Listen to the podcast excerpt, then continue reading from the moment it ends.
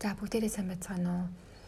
Аа энэ подкастаараа болохоор аялахдаа яг ямар одоо төлбөрийн хэрэгслийг авч явбал зүгээр вэ гэдэг талаар бахан мэдээлэл хүргэе гэж бацъя. За ер нь одоо өөр он руу очихдоо мэдээж хэрэг бид нэр тухайн орныхоо валютыг авч явдаг а мөн бид нэр олон улсын карт авч явж болно. Одоо жишээлбэл бид нар бол бүгдээр Австрали амьдардаг. Энд байгаа карт нар бол угаасаа олон улс хэрэгтэй гэсэн үг. Тэгэхээр кредит карт авч явж болно. Эсвэл банкнаас travel card авч явж болно. Тэгээд өнөөдөр болохоор яг кредит карт болон travel card-ны талаар бахан мэдээлэл одоо өөрийнхөө мэддэг одоо мэдээлэл дээр тулгуурлаад хүргэе гэж утсан. За travel card нь болохоор яадаг вэ гэхэлэр За би яг энэ travel card-ыг болохоор ANZ банкны travel card-ны мэдээлэл дээр үндэслээд ерөнхийдөө ярьчээ. Яагаад вэ гэхэлэр би анх ирсэн цагаас ахуулаад ANZ банкнд бол дансаа нийлгээд тэгээд одоо хүртэл бол яг ANZ банк маань бол миний гол банк болоод ингэ явж байдаг. За travel card-ыг болохоор а онлайнаар болон салбар нэгжтэй нь очиж захиалж авч болдог. Тэгээ travel card-ны давуу тал нь юу юм бэ гэхэлэр а хоёр шиг карт гарч ирнэ. Хэрвээ энийг картаа алгуулчих юм бол нөгөө картаа ашиглах боломжтой. Аа тэгээд өнгөө авч болдог байгаа. Минимум хамгийн бага 200 доллар өнөхөдөө хийгээд аа нийтдээ 10 шиг тийм валют дар ерөнхийдөө бол мөнгөө цэнэглээд цэнэглэх боломжтой. Аа тэгээд хамгийн гол давуу тал нь юу вэ гэхэлэр аа яг тухайн одоо жишээлбэл яг 10 үндсэн шиг валют гэдэг байхгүй? Тухайлх юм бол Америк доллар, Европ, Нью Зеланд, Канада доллар, Хонконг доллар гэх мэт ингээд яг 10 шиг ийм валютын wallet нийлгэх боломжтой. Аа тэгээд яг хамгийн сүүл болохоор Нью Зеланд явсан. Аа тэгээд тэр Нью Зеланд явсан туршлага дээр ингээд үндэслээд ярихлаар Нью Зеланд болохоор тэр 10 currency-ных нь одоо валютынхаа нэг учраас аа travel card авъя. Үндсэн гол валют нь Нью-Зеланд байх, Нью-Зеланд доллар байх юмаа гэд тэгээд 200 доллартай дүүцэх Нью-Зеланд байлгая гэд ерөнхийдөө бол тооцооны төвдөд очиод хэлчих юм бол шууд одоо тэр доор авах боломжтой байдаг. Аа тэгээд travel card нь бусад картнуудаас ялгарх ямар давуу талтай вэ гэхэлэр тухайн орондоо travel card ингээд уншуулах юм бол жишээлбэл ингээд Нью Зеландд явж байхдаа би яг л Австралийн банкныхаа картыг ашиглаж байгаа юм шиг төлбөр тооцоо хийсэн. А тэгээд ямар нэгэн байдлаар transaction fee гэж байдаггүй. Аа гэтэл хэрвээ та кредит картаа юм уу дебет картаа ашиглах юм бол а 3%-ийн юу шимтгэл авдаг. Одоо жишээлбэл та дэлгүүрт ороод супермаркетаас нэг шиг юм авъя гэхэд өмнө чинь 3% нь а тухайн одоо банкны шимтгэл болоод явж байна гэсэн үг. Тэгэхээр travel card авч явснараа угаасаа бүхэл юм төлбөр тооцоогоо штэ та бензиний авахта хоол гадуур идэхтэй дэлгүүрээс хүнсээ авахта карт уншуулаад тэгээд тэнд нь болохоор ямар ч одоо гүлэний төлбөр гэж авахгүй гэсэн үг. Аа тэгээд өмнө хэлсэнчлэн travel card-анда хамгийн бата 200 долларын минимум 200 долларын 200 доллар байршуулах хэрэгтэй. Тэгээд хамгийн ихдээ 50 мянга хүртэлх валют байршуулж болно. Яг тэр тухайн одоо тэр банкнаас гаргасан байгаа 10 валютын хувьд л ингэж ярьж байгаа шүү дээ. Тийм. Тэгээд а ATM-с харин мөнгө хэрвээ авахар болох юм бол шимтгэл байдаг. Тэр нь болохоор 4 долларын шимтгэл байдаг байгаа. Аа тэгээд хамгийн ихдээ 3000 долларын аа 3000 долларыг наснаасаа ерөнхийдөө ATM-ээр гаргах боломжтой. Тэгэхээр аль болох аялахдаа за би нэг юм хэмжээний мөнгө өрөх байх та гэсэн барагцаа гаргаад тухайн мөнгөө яг тэр улсынхаа валютаар жишээлбэл би Нью Зеланд руу явсан бол Нью Зеланд руу явахдаа за жишээлбэл би 3000 доллар ерөнхийдөө хэрэглэх баха гэд хийчих юм бол а ерөнхийд яг төлбөр тооцоо хийхдээ ингээд ямар шимтгэлгүйгээр картаа ашиглах боломжтой. Аа тэгээд би болохоор дахиад юу үзүүлэх гэж байгаа гэхээр ер нь бол каш авч явах хэрэгтэй.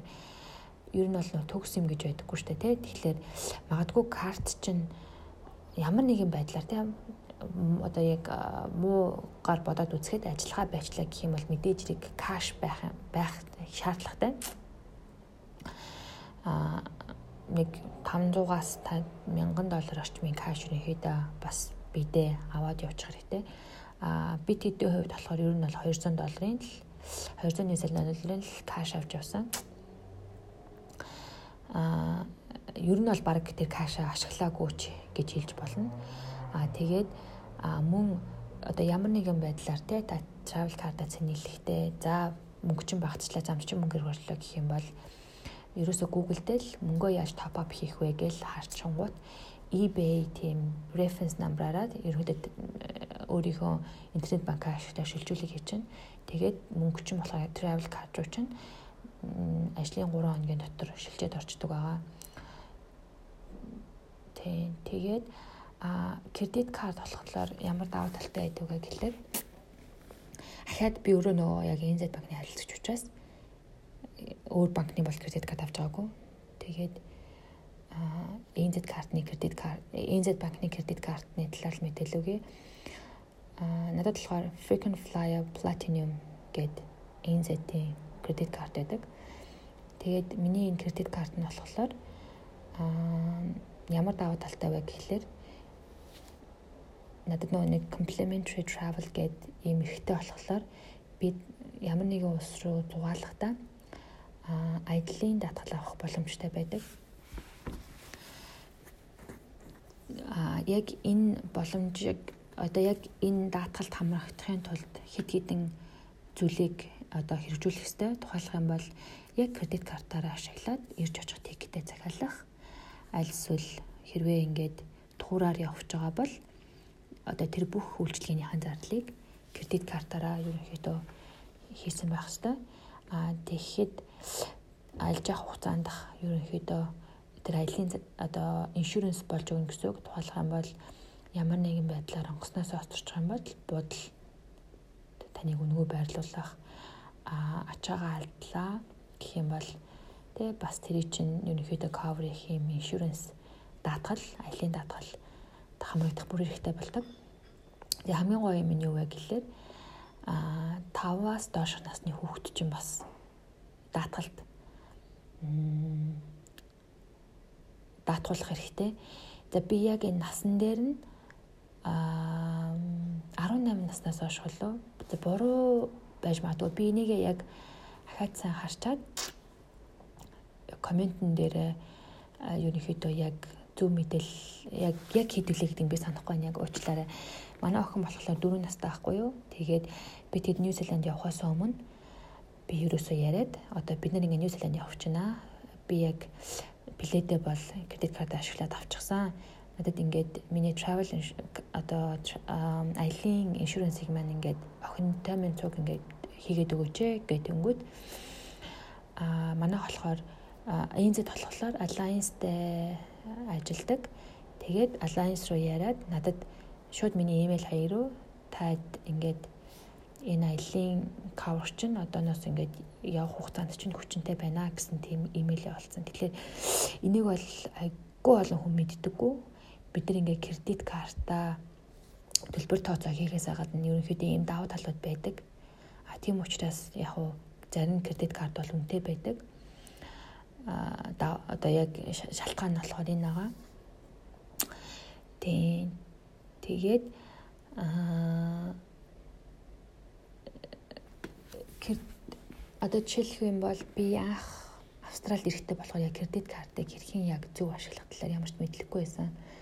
Би яг өмнө болохоор хаан банкнд ажиллаж байгаа. Хаан банкны private гэдэг зөвхөн гадаадд үйлчлдэг тийм салбарт нь ажиллаж байсан. Тэгээд тухайн үед л зөвхөн манай тэр бренч гадаадуудад кредит карт санал болгодог. Тэгээд нөгөө нэг шинэ болохоор ерөөсөө ингээд сайн яаж яваад байгаа одоо үш ашиглагдаад байгааг нь болохоор ерөөсөө мэдгүй. Гэтэл тэр кредит карт гэдэг юм чинь энд бүр захын хүний яг өдөр тутмын амьдралдаа хэрэгэлдэг ийм одоо зүйл нь болчихсон байсан. Тэгээд анх харчингууд болохоор кредит картаар яах юм наа ч юм бол зүгээр л барал бидний шулгаж байгаа юм гээл тэгж боддог байсан. Тэгээд хэрвээ ингээд зөв ашиглаад байх юм бол кредит картыг бас нөө ямар ч фигүүгээр ашиглах бас боломжууд байдаг. Тухайлах юм бол одоо миний энэ кредит карт би бол үнгүй ашигладаг. Яагаад вэ гэхлээр нөө зарим банк нар чинь эхний жилдээ харилцагч нарт үнгүү авч болно гэдэг тиймхүү промошнгууд зарлцдаг штэ тий. Тэгээд яг энтхийн хүмүүс яг яаж кредит картыг ашиглаад байна вэ гэдгийг болохоор ингээд судалсан чинь яг тиймхүү промошноор кредит карт авчингуудаа нэг жил үнгүү ашиглаад гэдэг чинь банкны мөнгийг ерөнхийдөө үнгүү ашиглана гэсэн үг шүү дээ. Зарим хүмүүс ч юм бол 25 мянган долларын ч юм уу лимиттэй кредит карт авдаг. Би нэг хүнээс болохоор сонсч байсан банкнаас тийм хэмжээний ерөнхийдөө юу авчингуудаа кредит карт аваад тэгэл кредит картыг үнгүү ашиглаж идэг. Аа одоо жишээлбэл миний кредит карт болохоор 45 хоногийн сайклтай байхгүй юу? Тэгэхээр би яг энэ 45 хоногийн сайкл дотор хэрэгэлсэн мөнгөө 45 хоногоос өмнө төлчих юм бол ямар ч аа одоо хүү төлөхгүй гэсэн үг. Хэрвээ аа бүрэн төлөхгүй байх юм бол яг тэр төлөгдөөгүй хэсэг нь болохоор одоо карт болгон өөр хүүтэй байдаг. Тухайлх юм бол минийх бол 20.9% хүүтэй. Энэ болохоор гэдэг бэлэн бус транзакшн гэсэн үг шүү дээ, тэ бэлэн биш одоо BTM-с мөнгө авчих юм бол тэр нь жишээлбэл 23.9% ч юм уу жилийн ийм хүүтэй бодогддог. Тэгэхээр яг банкны мөнгийг 45 хоногийн хугацаанд үнгүй ашиглаад яг тэр 45 хоногоос өмнө мөнгө буцаагаад төлчих юм бол ямар ч хөө төлөхгүйгээр л ингээ банкны мөнгийг ашиглаад байна гэсэн үг. Аа тэгээд ингээл хүмүүс ингэдэг штэ. За би одоо яг тэр 45 хоногийн сайкл нь аль юм бол би яаж энийг мэдэх юм бол гэхэлэр жишээлбэл NZ банкны аппликейшн дээр та кредит карт руугаа ингээд дараад оруулаад стейтмент гэдэг дээр дарахлаар тухайн сарда таны одоо тэр 45 хоногт одоо өмнөх тэр 45 хоногт сайклта хэдэн төгрөг үрснэгээ төлчих юм бол үнгүй байх вэ гэдэг тэр мөнгө нь харагддаг байхгүй юу. Тэгэхээр яг тэр due date гэдэг хоногоос өмнө тэр мөнгө төлчих юм бол ямар ч хүү төлөхгүй гэсэн. А тэгээд хоёр дахь жилээс нь та ингээд кредит картныхаа фиг төлөх хэрэгтэй болох юм бол ахаад өөр банк ямар урамшуул байна. Тэгэл өөр банк руу ингээд шилжих замаар ер нь бол энд хүмүүс кредит картыг үнгүү ашиглаад банкны мөнгийг үнгүү ашиглаад жишээлбэл ЭНЗ банкны үед онлайн сервер, Power сервер гэдэг хоёр аккаунт нь болохоор хүү бодогддог. Тэгэхээр банкны мөнгийг үнгүү кредит картаар ашиглаж байгаа хувцастай өөрийнхөө мөнгөндөө энэ аккаунтуудтай байлгаад хүү бодуулаад байна гэсэн үг байхгүй юу? Одоо Монгол болохоор яг яаж байгаа гэхэлэр манай одоо ингээд 8% хүүтэй орон сууцны зээл гарсан шүү дээ. А тэгэнгүүт энэ маань болохоор өөрөө хадгаламжийн хүнээс бага болчихж байгаа. Одоо бол 14.4 байна уу? Тэгээ хадгаламжийн хөв жилийн тэм байгаа шүү дээ. Тэгэхээр жилийн 8% орон сууцныхаа зээлийг эргүүлээд төрүүлээд түлээд авах уу? Эсвэл яг л одоо төлөх ёстой мөнгөнд дүнгээрээ төлчөөд илүү гарсан мөнгө хадгаламжиндаа жилийн 14.4%-аар хийх үү гэдэгт ерөнхийдөө адилхан байхгүй юу? Тэгэх юм бол та ингээд илүү хөв олоод байна гэсэн үг шүү дээ. Өмнө нь болохоор нөгөө нэг монголчууд чинь жилийн 22 ч юм уу те тийм өндөр хүүтэй орон сууцны зээл аваад Тэгэл аль болох хурдхан шиг илүү мөнгө олол зээлээ төлөөдөө тэгэх юм бол бид нар баггүй төлнө гэдэг байсан бол 8% хөтө орон сууц авсан хүмүүс яадаг вэ гэхлээр аа за миний сар төлөх хэмжээний болохоор 600 мянган төгрөг тэрийгээ сар сартаа төлөөд явъя. Илүү төлөх ямар шаардлага байхгүй. Илүү төлөх мөнгөө хугацаа даатгаламжаа хийгээд аа илүү мөнгө олё гэд ерөнхийдөө боддог шиг. Кредит картаа хэрвээ банкнаас яг тийм урамшуултай байх үед нь нөгөө авчих юм бол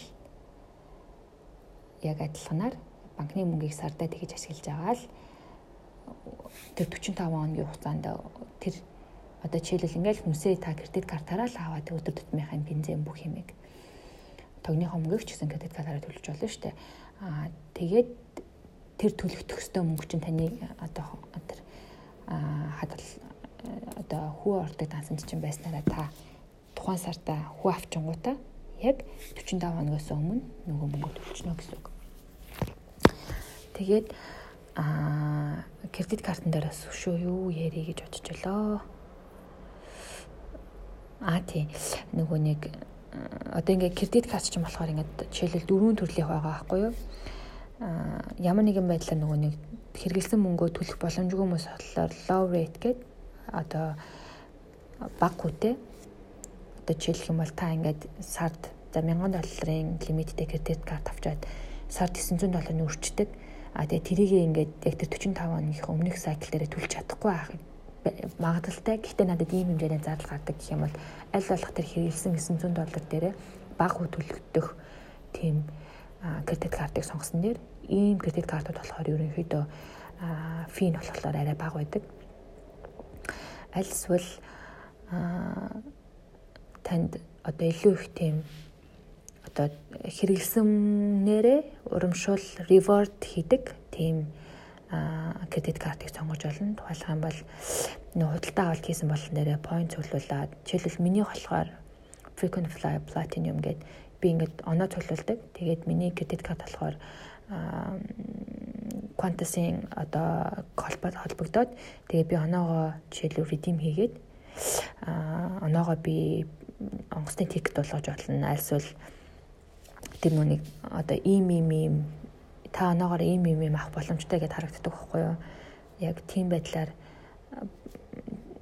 одоо юм одоо жишээлбэл ингээ кофе чанагч та эдэн оноогоор авах боломжтой. Тэгээд нэмээд та эдэн төрний каш төлж болно ч гэдэм үү. Ийм байдаг.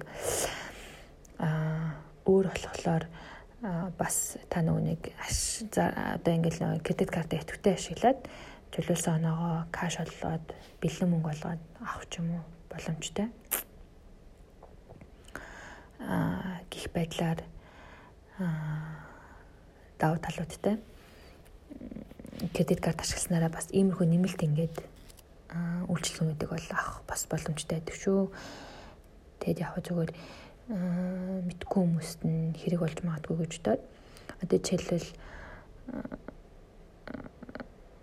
дан ингээл гадаад руу аялахтаа каш авч явах юм бол эрсдэлтэй шүү дээ. Яаж 3 4 мянган доллар ингээл бэлээ аваад явах уу?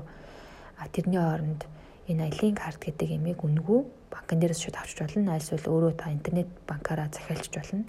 Тэгэх юм бол энэ бол нэг ажлын 5-аас 7 хоног болдог учраас би бол баг салбар дээр нь очоод банкны ажилтныг хараад яг яаж хэрэглэдэг вэ гэдэг зөвлөгөө энтрийг нь аваад авчвал амар ах гэж бодож байна үнгүй.